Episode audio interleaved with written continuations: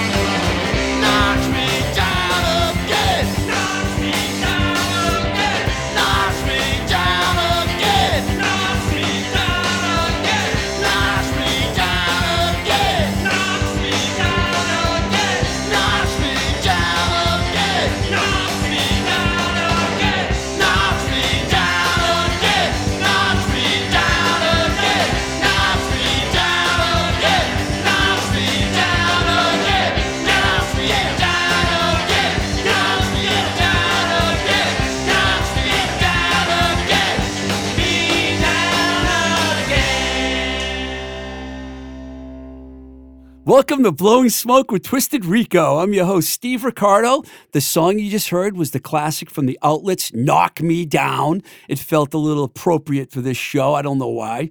It became some sort of a favorite in the punk rock crowd, even though. I don't know. They were kind of punk, I guess, you know. But, you know, no one really calls them a punk band. They call it a power pop, you know, band. So this week we're doing something a little different. It's the first annual punk rock and roll roundtable, and I have three esteemed guests, or should I say, repeat offenders in the room There with you me. go. That's way better. So I'm going to introduce you to everybody right now. Okay, first, first, My name's Chris, and I'm an alcoholic. first. that that's kind of apropos for this for this location for some of us, anyways. First, we have one of the stars of the film American Hardcore, legendary roadie for the likes of the FU, Slapshot, etc., and the man who married our good friend Duncan Wilder Johnson, the ver- the Reverend, excuse me, the Reverend Hank Purse, and I finally said his name right. Thank you very Who's much. making his third appearance on I, this I, show. I, I performed his wedding. I performed his marriage. I didn't marry him. I, mar- I performed his marriage. you performed his I marriage. don't. I don't want my wife to hear this and and have questions. Okay. Well, what could the what could the discrepancy be there? I married him. Oh, which could be quite possible in this day and age. Okay. Not, Next, and not, which is great, which is would be Yeah. lovely. But Not We're that all there's for anything that. wrong with that. is there anything no, wrong with that? Thank I've you. thought of. I have I've thoughts Hey, about Keith did- Bennett did you- all the time. Didn't you marry uh, Dangerous Dave and Mary too? Yes. Yeah. Yeah. Yeah. I, I, I, I became an ordained minister. I married them in Vegas at Punk Rock Bowling on stage during the Gang Green show. That's the best. Yeah. You might have been able to figure out who that is talking, but I'm going to introduce him after I introduce the, our next guest, which is one of the most notorious punk rock, hardcore metal legends who has played in Wrecking Crew, Panzer Bastard, has a new project called Casket Rats, and was in the Gang Green All Star Band for one glorious night. And as we found out when he was on the show last time, he was a big Kiss fan as a teenager and went on to glorify Lemmy from Motorhead. Mr. Keith Bennett is in the house. Ooh. Hi, hi, kids. How was Hi, that? everybody. Good? Hello, hello. And last, and certainly not least, the one and only Boston Rock and Roll Hall of Famer, also a star. I didn't have to ask Nash to put the drum roll in. That's good. Also, the star of American Hardcore, one of the stars of American Hardcore, someone who actually let me be part of the punk rock chorus on the album Another Case of Brutality, the man who combined combined Budweiser and punk rock, and the co-producer of Eddie's Saloon. We're going to talk about that too. And punk rock in every way possible. The man from the legendary Gang Green, Chris Doherty. Thank you for that beautiful introduction, Steve. I promised myself I wouldn't cry, but uh, I'm almost in tears right now. So, so here we are at the first annual Punk Rock and Roll Roundtable, and uh, I'm assuming there's going to be a second one, but that doesn't, you know, mean that it would happen. I thought it would be kind of cool if we all remembered how we all met each other. Now, I could go first, or one of you guys could go first. Who wants to go first? I'll go. You'll go first. I met you at TT the Bears You did at an outlet show. Yeah, at an outlet. I think I had that in my notes. we were uh, we were sitting in that that kind of back room where like the pinball machine wasn't, and you're like, "Hey, yeah, yeah, Christy," you kind of introduce yourself to me. 85, I'm thinking. Yeah, yeah. You 85. recognize you recognize me and introduce myself. And Keith, I mean, and Hank, I mean, how can we not know each other just just from being in the scene and being at the same show like four or five times a month? and and same part, same loft parties. I Right, that's, you yeah. know, I, I I definitely think that's what that's what it was was uh, uh, loft parties um, on, on uh, in the South End, Thayer Street. Thayer Street. Yeah, I think Yeah. I, I think it was definitely you know was it like a um, uh, a stranglehold played uh, New Year's Eve uh, on on Thayer Street in like like eighty five to eighty six, and I remember just I just I remember think it was like eighty six going into 87 I mean, it sort of was, yeah. Yeah. Except for them, them going like, you know, punk rock is ten years old or something like that, and we were like, oh, um, yeah. But I think that's I think that's where I met you. Uh, I think you have a you have a story of how we met. Ki- kinda. Yeah, I was, I'm just being like, Is there a glory hole involved? Spiritually, yeah. Spiritually. Do- what- So do, you- do you want do you want to knock down like the, the whole? Oh yeah, yeah. I'll, so I'll, I'll, I'll, and I met Steve. I, I think I've told this before on tour with the Straw Dogs, um, and we we ended up in L.A. and we're like, well, we've not, no place to stay, so we're staying with with Steve. And I was like, who's Steve? He goes, You'll find out. So we and we stay at your house. We rolled in, and um, what I remember uh, most was that let's the two things. One was that you brought us to some porn place. Uh, to, to and and that, and that which was like a really high class porn place where you could buy different uh, sex toys and they and they were like it, it was like a uh, uh, it, it was like a, like a science museum you could like press a button to see how a certain instrument moved I was like wow that's that's crazy I don't recall that, but okay. Okay. And I then- believe you. and then also the second thing Well, well, well, to piggyback you on that, Hank, Steve had the outlets and gang green staying at his house. Did he bring, did he bring you guys also to it to it the the, the porn shop? No, there was enough of that going on in the Right. building Yeah, thanks yeah. to Rick Barton. Uh, we, we we had our own porn. wow. And this, and the other thing was that your roommate uh, came in and um, uh, introduced himself to all of us. We were like, you know, in the living room, and he went, "Oh, that's great." And he looked at, at Steve Grimes and, and some t- some shirt that Steve Grimes is wearing. He goes, "Oh, that's a great shirt." He said, "You know, my psychiatrist has that exact same shirt." And I've been going there ever since, you know, I've been d- just dealing with uh, these issues of abuse from, from my mother. and, and all of us Bo- Boston folks were like, way too much information. Like, whoa, whoa. We're just like, wow. And um, yeah, so that's that's, Wow. that's that's how I remember uh, Keith, meeting Keith you. what, do you remember how you met all of us? I actually do. Do uh, do I start with? Do, want me start with Anywhere you? you and Work our way down. Okay, so Steve, it was uh, eighty-eight or eighty-nine, working at the Paradise, and I was a very uh, judgmental. Uh, the, work at the Paradise opened my mind up. Uh, but you know, I was like just turned eighteen, so if it if it didn't have a pentagram or or a bullet belt, I hated it. Um, when I first met you, dude, I didn't like you. I I thought you were just like a record company, like sleazy. Like I, I used to call people like you like Artie Fufkins or promosexuals, and I was like, ah, this guy. But in a very short time, I realized like you are uh, just you're you, and I I love you, and I'm I'm glad I was wrong. You know, yeah. Oh, oh I got tears in my eyes. Hey, I, I, I hate to keep interrupting, but I was watching the fucking news one night. Excuse me. You could say fuck. And, it's uh, fine. It was when when Drew Bledsoe stage di- dived at the Paradise, Oh, and, and they were interviewing you. It's like Keith Bennett stagehand. Yep. Oh, What? Oh, yeah. you I- got interviewed after the Drew Bledsoe. Yeah, oh, yeah, I, di- I dimed him out absolutely. I- Yeah. yeah, that's yeah. Yeah, I, don't, I don't, I don't, I don't think people- that's right. like, hey, it was like, hey, that's F Drew Bledsoe. jocks. Come those on, jocks come on. were a bunch of. Well, he had a bit. He had Max Lane or some. They were. Dude if we can him. get into that too. Like, but yeah, no, that was Wow. like that was. I wasn't being a rat. I was. I was nailing these these self righteous millionaire jocks to the wall for hurting a little girl. Jeez. Um, Chris, uh, I had seen Gang Green a million times, but the, the, the first in the flesh, like non being, you know, at a Gang Green show was the. It was the week that Skate to Hell came out. I was at Quincy Records and Tapes. Car- Tom Carnally was working the counter. You come in the front door on your skateboard. You skated into the door, and you were and you were like, go to Tom. You're like, hey, uh, so how's it? How's it? How have you, have you sold any? And Tom, you know how Tom's like, well, meh, you know, his uh, the cranky guy. Me, it was me and Greg Delaria. And uh, Tom points over and he goes, "Yeah, well, you just sold two more to these chuckleheads right over here." and we, we had the we had the green vinyl, like we we had like you know Kerrang, Metal Forces, Venom patches, and and Skate to Hell. And you, it, was like it was you couldn't have made like a better movie. You just you skated in the front door and we're holding your record. And it was like, Holy crap, it's him! in And- Quincy of all places. Yeah. Is that where you grew up, Chris? Quincy? I still haven't grown up. I still haven't grown up. Yeah, but you're from Quincy Well, or Braintree. I, I always say I lived in Braintree when I was a kid, but I, I didn't grow up there because I still haven't grown up. Not many of us have. All right, my st- it's really funny. Wait a minute, hey, dude, Oh, I didn't get done? to Hank.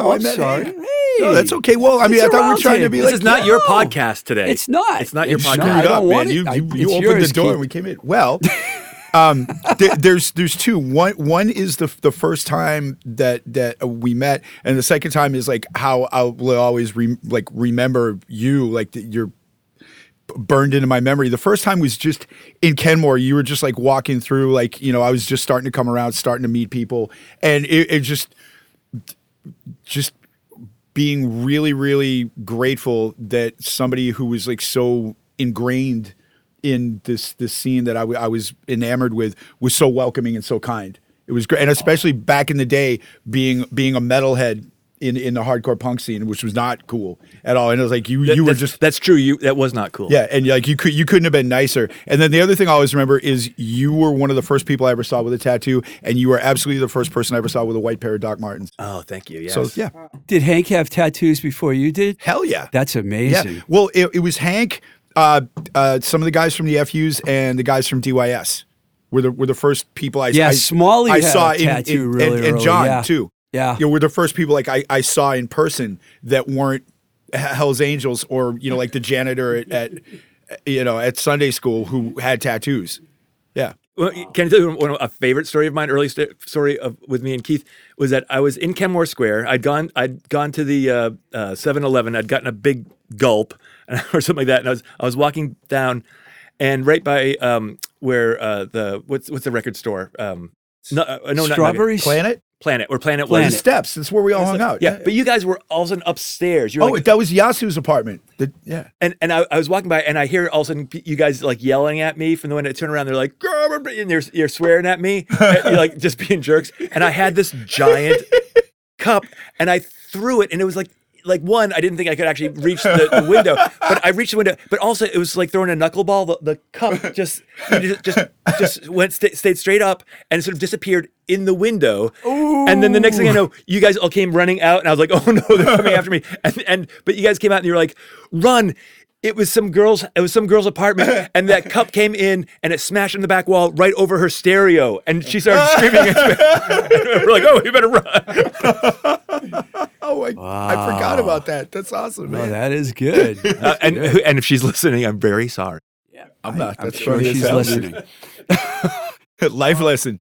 It's funny because all Hey, the hey, stories. Hank, don't don't apologize. She has a claim to fame now. Absolutely, man. Ab- def- I think my stories kind of coincide with a lot of yours. Hank, I did do did meet for the first time in my house in uh, El Segundo. Actually, it was 1986. But you know what? I think the first time we really met was more like when we got to know each other, like around 20 years ago at the Diesel, when That's we used to run into each other, Yeah. and we would have great conversations. And then when when American Hardcore came out, I was like, I know him. You know, it was so cool because you did not expect to see someone in a church in the American Hardcore movie. You know, it was like fantastic. Keith, I don't remember him thinking I was at Artie Fufkin, uh, but I thought I thought actually we didn't meet until the Linwood. But maybe I guess I was wrong about No, that. dude, I, I, I, my, I vivid memories of because it, you'd be coming in to, you know, for bands that you Yeah. were working or records you were working, you know, because our, our load-ins back then were usually at three. And I can just remember you Oh, yeah. going, I'd walking early. down long, and you have your little, you know, your your shoulder bag, you know, like total A and R guy thing. And I'm like, and I in my head I'd be like, ah, here he comes, here comes Artie Fufkin. Hey, buddy, what's going on? Steve Ricardo. I'm like, I know who you are, man. Yeah, yeah, they're all in there.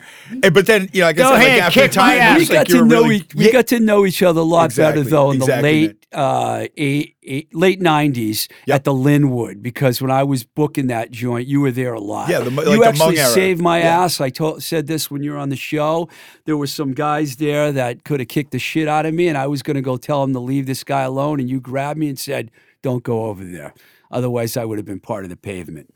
Um, so thank you for that. De nada. Chris, I knew that we met through the outlets because I wrote that, and uh, because I I didn't remember it being TT the Bears, but now I do remember. I remember exa- exactly. because it was 1985, I think, at TT Yeah. the Bears, and um, when you guys all stayed at my house. I had a lot of bands stay at my house, but having the outlets and Gang Green And Springer. and Springer all at once at my house for two weeks because the dates were like spread out Right. all over California. My place. Talk about up being- tattoos. You, you should have got glutton for punishment just tattooed on you right there. I was. I remember being really sick. Uh, the, and you know, I was working at Enigma then, and I remember I would go to work. I went. I tried to go to work after that, and they're like, "Go home," because I was like so sick. I also remember, and I make fun of. I brought this up when I had Glenn on the show. The Stilfen brothers, I don't think ever left the apartment the whole time. They didn't want until we went to San Diego for that show. The outlets and Gang Green had a show on the same night. The outlet, the Gang Green show was at eight o'clock in San Diego, San Diego, and the outlets were at eleven in L.A. And Walter was in both bands. So me and Dave oh, Barton right. Drove yeah. like friggin' 100 miles an hour on the 405 freeway. we dragged him I off the get to the stage and d- dragged him in the car and drove to LA and we made it. And Dave Barton broke a string in the first song. I'll never forget that, man. I was like, and that, after that all gang green show is Fear, Gang Green, SNFU, and Adrenaline Over AOD. Holy that- smokes! it was in, yeah, it was an In- in outdoor in a- thing, I think. No, it was in a roller skating rink. oh, yeah, it was a big venue. I do remember that. Gang Green was really big at that time. Well, you guys were big. You guys have always been big. But at that time, you guys had a big, huge buzz. Another Wasted Night era was like a really good era for the band. I know that Roadrunner ended up being bigger, but to me, another wasted night was that was my Huckleberry, man. I mean, Roadrunner ended up being just bigger budget. That was it. Yeah, because you had that big stage and that stage set up. So I wanted to first thing I wanted to ask you guys was about your opinions of what you think the post pandemic punk and hardcore show world is going to be like. Like you guys have gone out to some shows and stuff. What do you think? I mean, are things going to be back to normal or is it a new normal now? It definitely feels like we're all older. Yeah. You know, I, I, I actually I saw you in passing, Chris, at the um, the seven seconds uh, negative approach thing, and um, but I looked around and you know, one, it was great because you know there were there were you know young fans there, which uh, you know which which is great, but also just a, a lot of my older friends, and I was like, wow, oh, we are all so much older, Yeah. Including- in- especially Except for. Keith. except for Keith, um, and um, uh, but uh, you, you know, and it's I don't know, there's, there's there is always that fear of like you know, uh, you know, You know, it's been so long since we could consider anything normal. I forget what normal is. Good point. So you guys saw seven seconds in negative. I always I keep Negative saying approach. negative FX, negative approach. I just got tickets thanks to my lovely friend to go see the Circle Jerks and um, the in seven seconds in negative approach at House of Blues in July. So I'm excited. Uh, Keith, you've been working at you've been working at, yeah. a, at I, I work. I work in a venue. Yeah. So what's been going on there? Has it been weird? It, it- no, it's um. I mean, I think uh, the initial once you know the reopening of the world, uh, I think it was weird for everybody. But the one thing that I've noticed is people seem to be uh, more mindful, kinder, grateful, appreciative. Uh, you know, because when you get something that's so in, integral to our, our us, like our spirits, taken away, to get it back, it, it's I, I don't I don't think I'm waxing too romantic about it. I think it's a fact. It's like something something so life affirming to to just be taken and sh- and everything shut down to be able to get that back. I've noticed like even like really aggro aggro you know violent you know y- you know aggressive shows. You're, you They're get you get people. It, it's I, I don't want to say mellower. I'm just saying maybe more appreciative, more grateful. Yeah. People people I think people do realize that it's great that these the, these It's are happening. happening. Yeah, Right. yeah. Hope, hopefully that that that can sustain itself too. You know, because you know I, think people don't are happy wanna- get out of the house with a destination and go see some music, Yep. be entertained. I, I did see, and this is just this is just a straight edge guy saying, but I did notice people being real, some people being really fucked up that I haven't seen people being that uh, that wasted in a long time at a show. Um, I, like millennials seem to have been mu much like uh, um, less sloppy. Um, as a matter of fact, I remember years ago going to see uh, it was like the replacements first like reunion tour uh, at Boston Calling, and and I went and I was there with my wife and some friends, and um, and we were saying like, wow, this is so strange with this big outdoor thing. One, I like they would never allow you know any of us to do anything on Boston City Hall Plaza. Never mind have an outdoor show there. But and we're like this is and we're like and all the fans seem so well behaved, and all of a sudden. The crowd in front of us separate, and this and these two uh, young women come walking, uh, stumbling by. One carrying the other one, and the other one, and the one who's obviously really drunk falls to her knees and is about to throw up, and then she pulls out of her bag a plastic bag and throws up into it. And I was like, "Look, like, look how polite they are! They're, like, they're even like throwing it in a bag so no one else has to clean." I was like, Yeah, Chris does that? carried a plastic bag around with him everywhere he went. Yeah, I was like, I was like, "Wow, the kids these days, you know." wow, that's that's something right there, man. mindful hedonism. Right, exactly. Which I then took the bag and flung it up onto the stage. My Right, man. no, no, yeah. I have not gone to a lot of shows. I guess I'm the the the chicken so far in the crew. I went to some outdoor shows, but now I feel like a little better. Like I walked in here today without wearing a mask, and I feel kind of like, you know, things are starting. My doctor told me the other day, "You're vaccinated and boosted. You don't have to wa- go walk around and worry about everything all the time. Take a break, you know.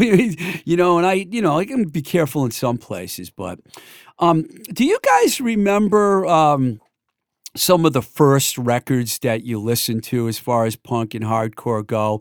I know that when you were on Keith, you talked about Kiss and all those bands, but as far as punk and hardcore go, you can go first. What do you, what were some of the first records that you heard that really got you like excited? Get It Away, Three Hits from Hell, uh, Warning, Discharge Warning. Discharge. Yeah. Um, And you said Stiff Little Fingers was the first one, right? no. Oh, get it, get it away. I'm sorry. Yep. Uh, Get Away. Uh, Brotherhood. Uh, So the early Boston hardcore. early early Boston hardcore, um, the Misfits, Discharge, and then uh, a lot of UK, a lot of UK eighty two. Like so, it was you know Discharge, GBH, GBH. exploited the Varukers. So you were you must have been pretty young at that point. Yeah, I mean, but but I I I was I was lucky. You know, it's like but Boston is is a, a wonderful place to to be exposed to just um, amazing stuff that you, you're not going to. Back then, but you know, pre-internet, like you know, it's e- obvi- it's easy now. It's different. You know, no better, no worse. But I mean, that was the thing. Like I didn't know. You know that I was being hip, or you know, I'm like I wasn't going for cool stuff. I was just this was stuff I was drawn to. I was just I was just lo- and it wasn't cool. yeah. Turns out it wasn't. But you know, like I wasn't I my, my Newbury Comics wasn't a destination for me because I was trying to be underground. It was like I just happened to walk by it and go, That place looks cool. And that was it. And then it was then it was like this record looks cool. It sounds amazing. Then you look at the record and you see like the the thank you lists and you're like what what what these other there's other bands like this. And then you just go the the, the thank you lists were almost like you know check checklists or, or shopping lists for like well if these guys like them they must be pretty good you know and and, it, and the domino theory would would fall. Yeah. What about you, Hank? Um, well, you know, I, you know, I, I can certainly say I, I remember, you know, I remember listening to a lot of early Black Flag stuff and, and stuff on the on the radio down in um, uh, the UMass Dartmouth uh, radio station. But I also got to say, like, I remember, you know, getting the Boston and LA album and just being Yeah, like, good one. it, and it really, I was thinking this last night, you know, knowing that Chris was going to be here, just I thought it was supposed to be a secret. It was, but I slipped the other day and told Hank. I didn't tell Keith though, but I slipped with Hank. and uh um but and just and just thinking like you know but that, that gang green you know it's it's just it, you know it was just amazing. And it is also just amazing too at that time um not that i was a like a huge fan of big arena rock but the thought of like getting to know these people and becoming friends with these people and you know and having relationships and and and all of us dating the same women at the same time you know all this all this sort of stuff that was you know and, and kind of going like oh right these are people who like you know their their music and their lives are ingrained in the you know my DNA at this point. You know, I remember the first time. I heard that, that this is Boston, not LA, and the song, some of the songs were like really short. Yeah. And I was like, I can't believe the songs aren't even three minutes long, you know, because we used to think everything had to be three minutes long because I'm a child of the 70s, you know. And Gang Green had a, you guys and Jerry's Kids practically had the whole record, I think.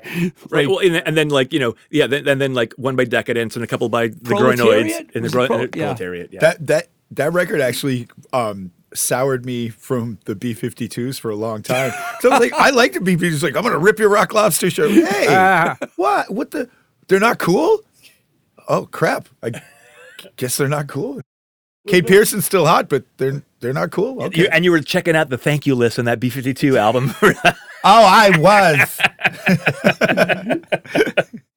Chris, like you know, I, I I'm thinking that you were like you were only like 15 when you started when you were in the bi- in Gang Green. You're only 15, right? Right.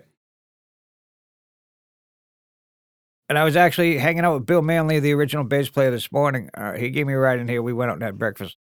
Oh, that's cool. Oh, it was great. Yeah. And I talked to Mike Dean, the original drummer, a couple of weeks ago, trying to get the original three back together for the Boston LA reunion, but it's not going to happen. I'm sorry to hear that.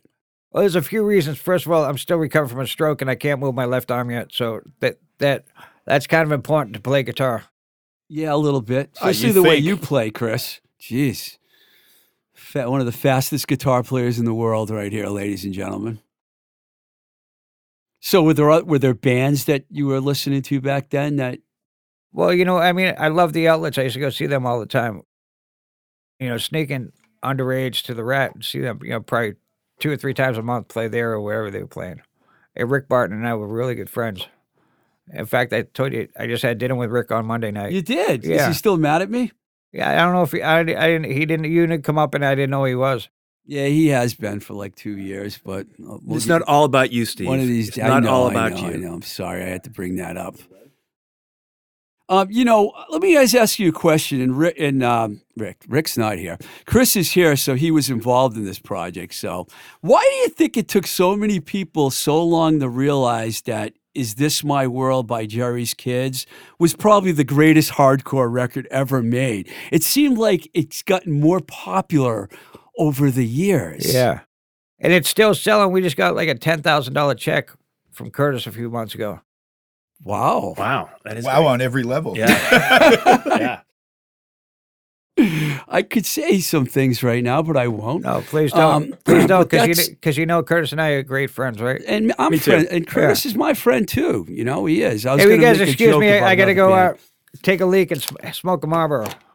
Okay, Chris is leaving us for a minute. That's a first for this podcast. No one's ever walked out in the middle of the show, but I, I Chris gets special uh, privileges. Most, most people just pee while they're here, while they're, while they're, while they're still talking. What are, you, what are you talking about, Steve? I mean, I'm gonna be I don't I'm gonna be done with this told Dunkin' Donuts cup in a second, man. Um, we'll just keep going, and Chris will be back. You know, as far as that record goes, why do you guys think that record has become so much more pop? It seems like every time I listen to a hardcore punk show now, everyone's talking about that record being the best record of the whole bunch, which I'm not going to argue with. I mean, I think it's an amazing record. Why did it take people so long to figure it out? My ten cents on it is that I mean, bottom line, regardless of anybody's opinion, uh, you know what they can add to this. The one fact is, it's just a brilliant record. The the songs alone stand the test of time. What I would add to it is the fact that Jerry's Kids over time, there's never been any drama with Jerry's Kids, and I'm, I'm not saying you know p- you know you, people have to be careful. It's not like a woke thing, but I'm just saying it's like the for, for lack of a better word, the brand hasn't been tarnished. Jerry's Kids came, dropped bombs. Every time they played, they destroyed. D- didn't cause any drama. There wasn't any bullshit. There were no soap operas. They they just they did their job, did their job better than anybody, and that was it. And I think that just stands the test of time. Where it's like this, there, there's nothing attached. You you don't have um, uh, a caveat or you know a qualification for this record or this band. It's just this is brilliance. And, and I think also because they also weren't a touring band too, so they're True, they never toured. they, they never really, you know, they, they they had gone out and done some done done some shows, you know, flew out to California, played played some stuff, but they never did a lot of um they yeah, they never they never like spent 6 weeks in a van together where they might have killed each other. Um uh but but I think also just um uh the quality of uh of their musicianship and they're also just hilarious and, and very smart people too. I mean, smart musicians, but also just smart. Um, and uh, you know, and I, you know, I think both of their, I mean, both their first two records. I mean, all their records, all their music has just been great, and um, uh, and and still don't slow down. And I think also the fact that there's like they're still angry. It was it was great seeing a few years ago. Um, uh, Gallery East. Was it the that, Gallery that East? Gallery Oh, that East was a- they- was they stole the they- show. they- they- as soon as they were done, they should have turned the lights on. Yeah. it was it was insane. they Just- were the best band that it's like day. a bomb went off. It was brilliant. I mean, I thought all the bands were great. Yeah, but, I mean, but I mean that's kids. that's that's how amazing do you have to be that you blew everybody on that bill away, and nobody on that bill was a band that you can blow away.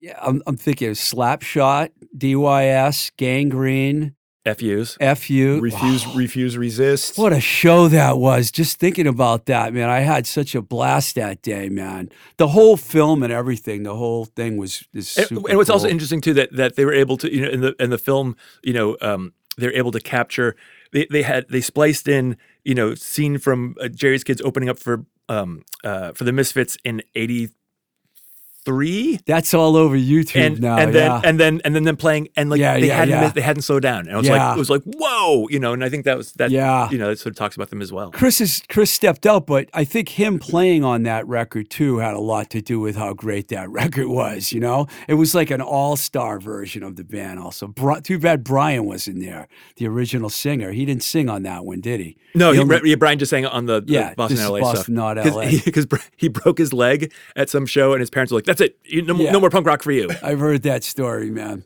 But you know, this is not to take away, you know, from SSD or Gang Green or DYS or any of these other bands. I heard that uh, SS that SSD sold the rights or licensed the rights to their to the uh, kids will have their say to Trust Records. That's right. Yeah, so that'll, that'll be coming out at some point. I'm really shocked when I heard that. I didn't think Al would ever do something like that, but it's a good thing, I think, though. It's going to turn a whole nother generation onto that band. Well, and, and I mean, Joe Nelson and, and the folks at Trust Record are, are great, and they're very um and and you know, as an old friend of Joe's, Joe's like, I worked for three years to get Al to you know, and and I and I think that's part of it too, is- is also realizing that like, you know, what what is most important for those of us who are in that hard- hardcore scene is uh, authenticity and people being able to um, really. Uh, um, be there for each other and and that like you know like you know what's the relationship is this really going to be you know are you you know is this going to be like a mystic records deal where you you know where everyone gets ripped off or something like that um and it's a um uh, and to have that uh, um, uh, and have a relationship. And i think that that you know that that you know and and joe was t- telling me some other stories about some of our like punk rock heroes from la and just like you know some people like they only deal in cash. And it's like well that person has this you know all these records. They've got these photo books. All this of stuff only deals in cash. And it's like oh my gosh that's it, what an impo- this is you're, you're not even not even like cryptocurrency. Nope just us greenbacks you know so um and everyone's a little odd and everyone's a little you know uh, quirky and being able to understand that. And um uh, and also because you know i mean i think trust records is is is going well but the the thought of like they're doing it for the cash they're they're cashing in it's not it's not part of of, of their Uh, well, it might thing. be hard to make a lot of money on some of those. The packaging on the seven second stuff is brilliant. I mean, Gitter called me to talk about, you know, they want to do the Dag Nasty Field Day record, you know, and that record's been kind of held up for a while, but I think they're finally going to be able to do it, which I hope it gets re released, you know. But you know, Gitter is Gitter is a great writer, and he's involved, and he's been doing all the liner notes and everything. I mean, they're putting out really professional looking packages. Well, and you know, and this, you know, the thing about the seven seconds, you know, because it, is, it's a, it's a gatefold with a, with a sort of fanzine, in, you know, as part of it, um, is that they, with the seven seconds one, they talk about the, um, the poverty that the guys that that that that Steve and Kevin grew up in, Right. um, and which is something that I don't think anyone ever really talked about, and but of course made an impact on them as a band and and and their outlook uh, for people in our um, uh, in the scene, and that we may not haven't even thought about or really you know known about or th- thought about for a long time. Uh, and I think that's a really you know sort of an important thing to be able to you know take a step back you know almost almost 40 years 35 years later you know and sort of say like hey this is who these people are and and their their life um, uh, has made you know has made an impact you know on all these other people's lives and you know let's let's understand where that came from and and their openness to to you know uh, to to the scene is is you know has been such a an important um, thing for all of us to to understand and to do. Well I'm- I'm- said. I'm, look- Ditto. I'm looking at I'm looking over to Keith. Keith, okay, you take it now. You you I was actually going to take this opportunity to switch gears for a minute and talk about your new project that you're working on, Keith, Casket Rats. Tell It's- us a little bit about that. it's not a project. It's a rock and roll band. It is. A, well, I call everything a I know. project. you I know. Okay, so it's not a project; it's no, a it's band. it's it's a rock and it's a rock and roll band, and it's it's all guys who um we all come from much heavier aggressive bands, but um we all you know we've all been good friends for a long time. Uh, one of the guitar players has been a Panzer Bastard for almost 10 years. Um, we're, we're all good friends. And more often than not, when we'd all hang out, we would end up, you know, listening to uh, i- instead of like you know impaled Nazarene or Driller Killer, you know, aggro stuff, the stuff that we play. Yeah. you know, it's like you know we're, you're you're Impaler. Hoovers from Hell and right. um oh, it's just the demo. but you, you know, like so when you're pl- when you're playing like you know like aggro thrash D beat crust, you know, for three or four hours at a crack, the last thing you want to do, you know, is is listen to that when you're done making it. So we, you know, we're listening to Thin Lizzy, UFO, Kiss, Rose Tattoo, it, it- and it, it just Rose tattoo, good one. yeah, we actually we cover Rose Tattoo on, Wow. on the record coming out. Um, but yeah, it was just we decided, you know, because all our all our other our main bands um, are are still going concerns, but it, it- you know since quarantine things have shifted and changed. Um, but we just we all figured we should do a band, and then we decided that if we were going to do a band, to do a band that sounds like all our other bands would basically be cheating on our wives. Let's and with with with the world being like the the playing field is leveled, it's a new world. Let's do something we all have never done that we've always wanted to do. That's a no brainer. Just play tr- traditional hard rock. There's twin leads all over the place. Like I mean, I'm I mean I'm not giving Twin you know leads. I'm not giving Pavarotti like any you know any heat, but like I'm actually like singing singing you know, like I'm, I'm trying to rip off Phil Lynott instead of Lemmy now. It, it- I mean, it's it's cool. It's it's really I'm excited. It's not, it's nice to be an old dog with a new trick. I love Thin Lizzy, by the way. So anytime they come up in a conversation, always makes me. I got. I saw them twice. Dude, I know saw a them bunch of people. Queen. Yes, that's the one, dude. There's so many people like that. I, I Best show know- I ever saw. I can't I can't imagine. I And can't imagine. That's You're gonna thing. love the other one. It was at the Cape Cod Coliseum. They opened for the Outlaws. Oh my Guitar God. Army. the Southern Guitar Army. I I saw Foghat and the Outlaws at Cape Cod. now we're talking about real music. Yeah, Well, what's man. next? You know, Kansas, Journey, Styx. Um, you know, Black Oak. Arkansas. I remember that I, I that uh, okay. This is kind of a funny story. I have to tell it. I went. We went to see me and my buddy Kenny Berry. We went to that show, and he had some mescaline with purple microdots. You know those little purple pills. I don't, but go ahead. Yeah, you don't want to know. So we each took one, right? And we're like, "Oh, this is great!" And we're all of a sudden, an hour goes by, and we're like, "Do you feel anything?" I don't feel anything. So let's do another one. So we did another one, and I just remember that green grass and high tides lasted like a week. I mean, I swear to God, I felt like I was in Cape I, at the Cape, you know, for like a week listening to the Outlaws, green grass and high tides. Well, to to be fair, I mean it was the Outlaws, so even if you were stone cold sober, that song goes. Yeah, it it was long. It was a very long song. There's no question about it. And um, but Thin Lizzy though, what a band, man! Definitely one of the great greatest bands ever. Phil Lynott died too young, you know, and it's it's sad. Um, But Chris, the, but the guitar playing was amazing too. yeah, well, they had Gary Moore and They had everybody. yeah, they had some It- good guitar players in that band. Assassins. You really could- good. There was there was no like there was nobody filling in a gap.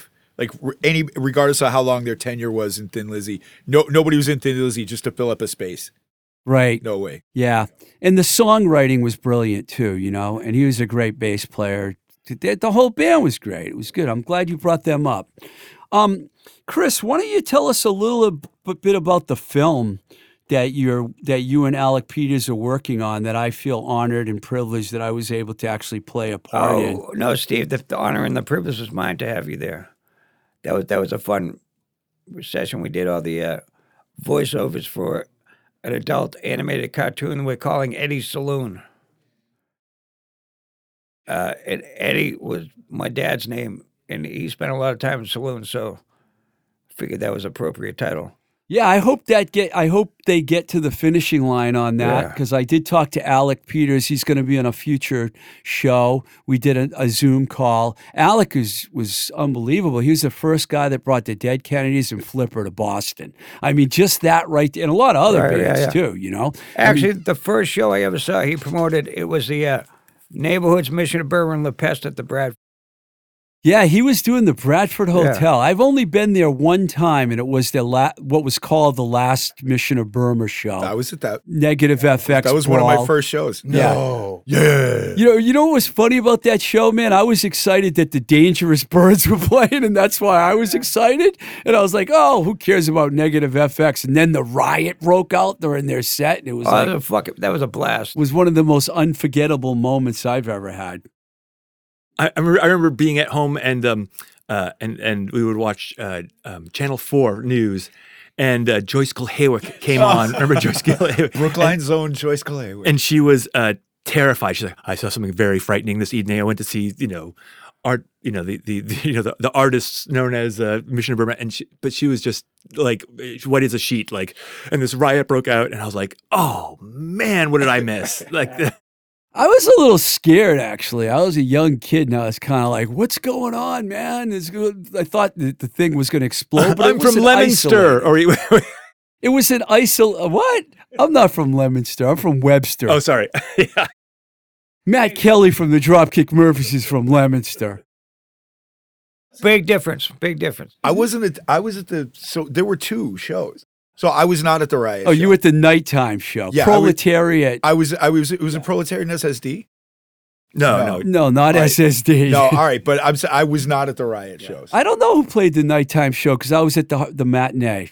yeah, it was right. It was a proletariat. I'm not sure who the second band. Yeah, was. I all, all I really remember was like, just like freaking out like that I was gonna miss the last train. Oh yeah, that was when the subway. I was well, a it wee still I was does, a wee chitlin. Yeah.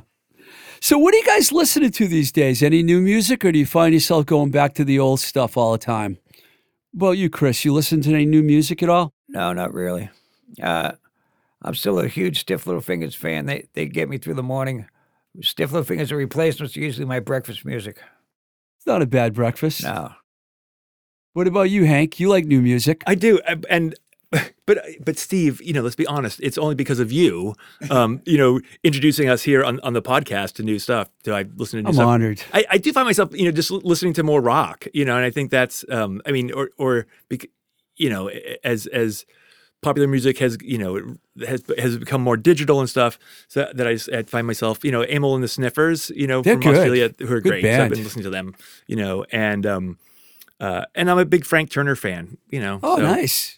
But that's you know that's just like what is it you know Billy Bragg and Bruce Springsteen had a son sort of thing. all right. I can hardly wait to hear what Keith Bennett has to say about this. You've never heard of them. They're too heavy for you. no, I, I've I've always you know I I like to stay current. I, I mean, and it's more just because I, I I'm still love music. You, you know, I'm I'm I. I, I have been guilty of like you know well what's cool what's hip but at, at this point like it, being a senior citizen I don't care it's just like whatever I like but um I, I mean any, anything anything that aggressive that I could tell you wouldn't be like any any anything enlightening um coming from me but well no no I'm just saying it was like well yeah that's not we know Keith, we, Keith, we what's figured your, you'd what's like your 'em. breakfast music, Slayer? no Exactly. Right. no no no um It's just a but- blender with some rocks in Oh, it. I was listening to a little Candlemass this morning, man. well, yeah you got to woke start you got to start your day Yeah, off you gotta doom and it mellow. up, doom your You way through the morning. You know, but I, I I do for like a, a a little bit of a different thing that um he they're not new but it's newer to me is um a duo from uh, Britain called Bob Vylan. I really really like. I think they're awesome. Bob Vylan. ge- I get I get this the same um kick that when I was when I was little when I was first hearing especially like UK punk like the UK 82 punk just the, lyrically uh, the attitude it's um it's it's a bit- they, he the, these guys incorporate um grime uh dub trap punk. It's it's it's it's really interesting. It's it's cool. Like there, there's there's depth to it which and it's and the thing is it's it, it's the same vibe as those UK 82 bands but it's it's current. And not in a trendy way. It's like it's he they're they're they're they're spitting venom about right now so it, it- and it's all played cool. on keytars. It's really, it's amazing that they're able to get that that. those- Yeah, but they're that- BC Rich guitars, so they're they're, they're cool, they're pointy. I just love the way Keith explains everything. No, He's so just true. a great explainer, you know. You can, they call it man child splaining. he's so so well spoken. I mean, you know. So listen, it's kind of funny because when I hung out with you two guys at Diesel, uh, and I told you I was going to have you come on my show so you could recommend guests for future shows, and we didn't even talk about that. So as we wrap it up here, I want to know who you guys think I should have on the show that I haven't had on the show yet, because I love when people give me their opinions Right. about I'm that. excited you're gonna have Alec Peters on. Yeah, Alex Yeah, definitely. We recorded that episode already. Oh, and- really? Yeah, we spent a lot of time talking about those early shows that he did. Because I was amazed when he had the outlets open for the dead Kennedys, and he told me that Jello Biafra requested the outlets. He goes, I want those young kids the outlets. And I'm like, the outlets and the dead Kennedys. Wow. Well, it is one of those things that people kind of forget that Boston is a small city. You know, in, in larger cities, you can have like the rockabilly scene and the you know the the new wave scene, and, and but like Boston was small. We ever knew each other, so it wasn't you know. Yeah, and in and the Walter played drums for everybody. you Yeah. know. You know, I, I used to say like you can go in the rat on any given night of the week and you find someone from Gang Green, the Neats, the Del Fuegos, and maybe a metal band just sitting at that back table getting hammered together.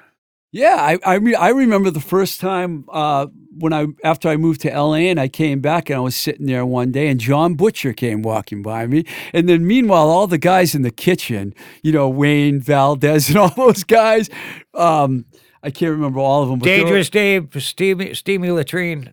Steamy latrine. The Hoodoo Barbecue is what I'm thinking of. You guys Storm remember the Norman, Hoodoo? yeah. You, the Hoodoo Barbecue was awesome. I used to come out from LA to go have meetings with bands, and I'd be like, "I'll be at the Rat. Just come there." And bands would come in, and we'd hang out there all day long. That was really good. So, um, Alec Peters is what Chris suggested, and I already beat him to that punch. So, what do you guys think? So I, I've got two people, um, uh, uh, two two wonderful women. Um, uh, Megan Jasper, who's uh, Oh, yeah, from, from, Sub from Pop. Worcester, and is she's the CEO of Sub Pop, and uh, is is She's from Worcester. yeah, yep, Wow, I didn't know that. and um, uh, she, she doesn't she doesn't believe so, but her accent has has worn off a little bit. But um, uh, She's been in Seattle a She's long been in time. a long time. Yeah, but Megan's great, and then also uh, Jackie Farry, and Jackie had been the um, uh, she'd been a, a, a road manager for bands like Dinosaur Jr. and other bands, but she also she has an amazing life an amazing life story, including having been she had her, uh, her own uh, MTV show. She was um, uh, Curtin and Courtney's uh, nanny. Really? She she uh, grew up in a cult and got kicked out as a teenager, as a young teenager, got kicked out of the cult while her, her parents stayed. She has this amazing life story. Um, she has been uh, battling cancer for the last 20 years. Oh. And she's actually the person who um, came up with the idea of uh, of the fuck cancer, you know, sort of campaign and hats and stuff. That, that's and that, that's how she's Do been the able to. intro, dude. Do the Yeah, intro. yeah. It was you and Mike Nash, our engineer here, that both simultaneously told me to get JJ Gonson on, Mm-hmm. and that was great. JJ was, wow. She's uh, just the fact that she was around Elliott Smith and all that stuff and lived up in Portland and then here, you know, she saw the first Nirvana show and there were like 13. I love hearing stories like that. Everyone does. Hey, I, I got a good recommendation. A very old friend of mine, Evan Dando. Yeah, believe me, Evan Dando is one of my all-time favorite songwriters, performers. I actually watched. People keep telling me that the Lemonheads aren't any good anymore, but I saw there's some shows they did on YouTube in November. Amazing! I mean, he blew through like Yeah. songs from every album, and it was like never stopped, never talked to the crowd, and played for an hour and a half. He looked fine to me. Well, you know what? Evan and I used to work at the Tang warehouse when Tang first started together. I mean, we, you know, we're probably 15 to 16 years old. And we've been friends ever since. And, you know, that that kid, I might go two months without talking to him.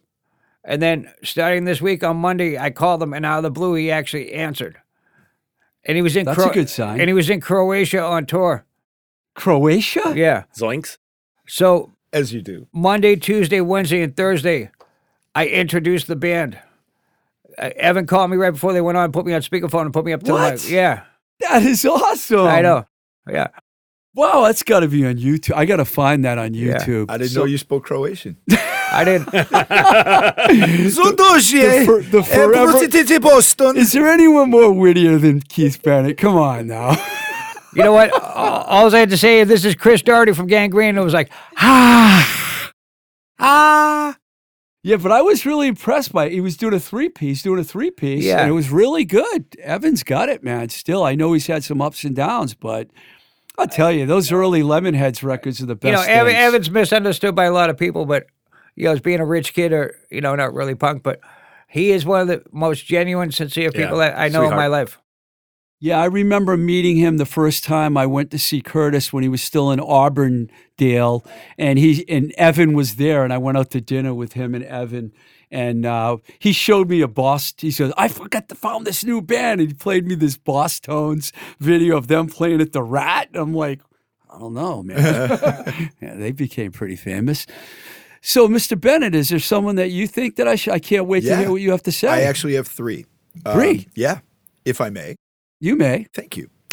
Number one, Al Baril. I've asked Al I- Baril I a know you million have. times. I but I say keep hope alive because with the tr- we mentioned earlier with the Trust re-release, I think it's that door might crack itself a little wide. I did get Nancy. Keep knock, keep knocking. That's all. Keep Nancy knocking. did the show, Yeah. so I'm halfway there. Yeah. Got the wife, got to get the husband. You know, I mean, I don't know how, but I'll keep trying. Persist, persist. I posted a picture of me wearing an SSD hat on Facebook. I thought that could help, but so far not yet. Okay, and number two, Katie the cleaning lady, Yeah. oh, I'd love to have Katie down here. Boston, Boston hardcore She day one. interviewed me for the Boston hardcore film. She was the one that did the interview, actually. Yeah, that's a great She, suggestion. she she has just as much to do with why why Boston is is as as anybody you could think of, and sh I I've never heard. I, I've heard I've heard snippets, but I've it would I just being selfish. I would love to hear her story. Yeah. And number three, uh, Peter Gates, Oh, yeah. Peter Gates. who was the first employee at Newbury Comics. He worked everybody, even if you don't know Peter Gates, you know Peter Gates.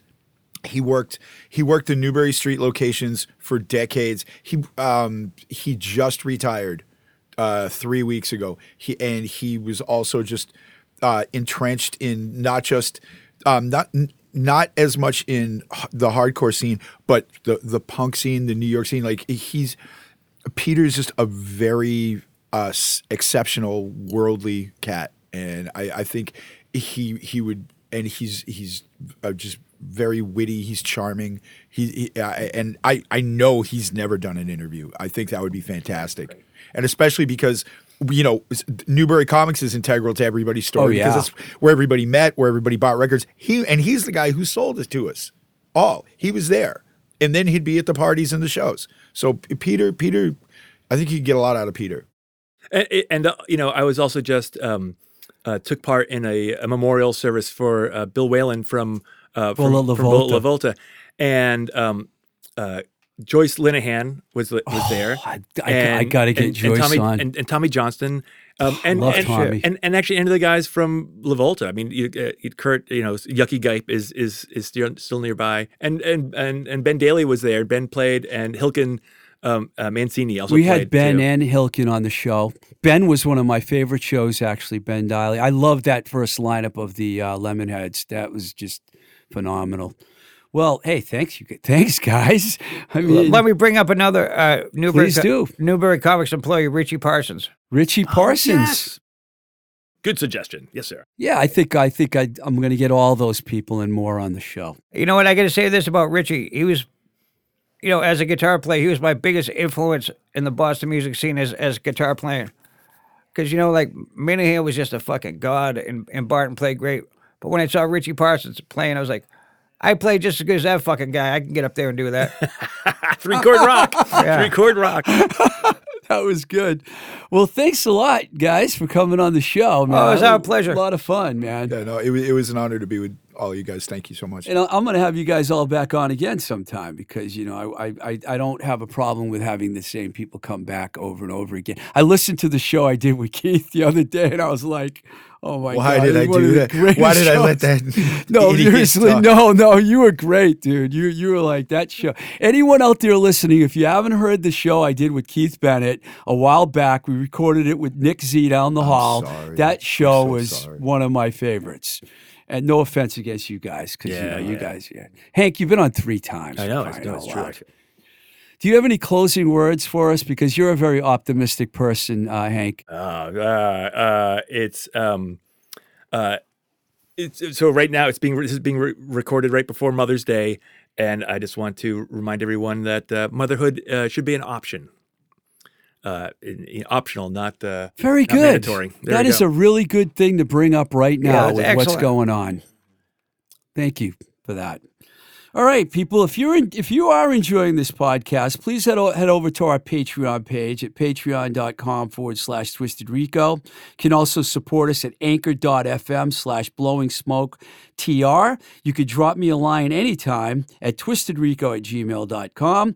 Thanks to Baby Loves Tacos and Disorder Vintage for supporting us, Mike Nash at Voice Motel for recording us, and for you folks for listening. It means a lot to me. We're going to end the show with a song by my current favorite band, Scrunchies from Minneapolis. This is the track No Home Planet from their new album, Feral Coast. Until the next time we say goodbye, this is Blowing Smoke with Twisted Rico. I'm your host, Steve Ricardo. Happy Mother's Keep Day. the rock and roll alive.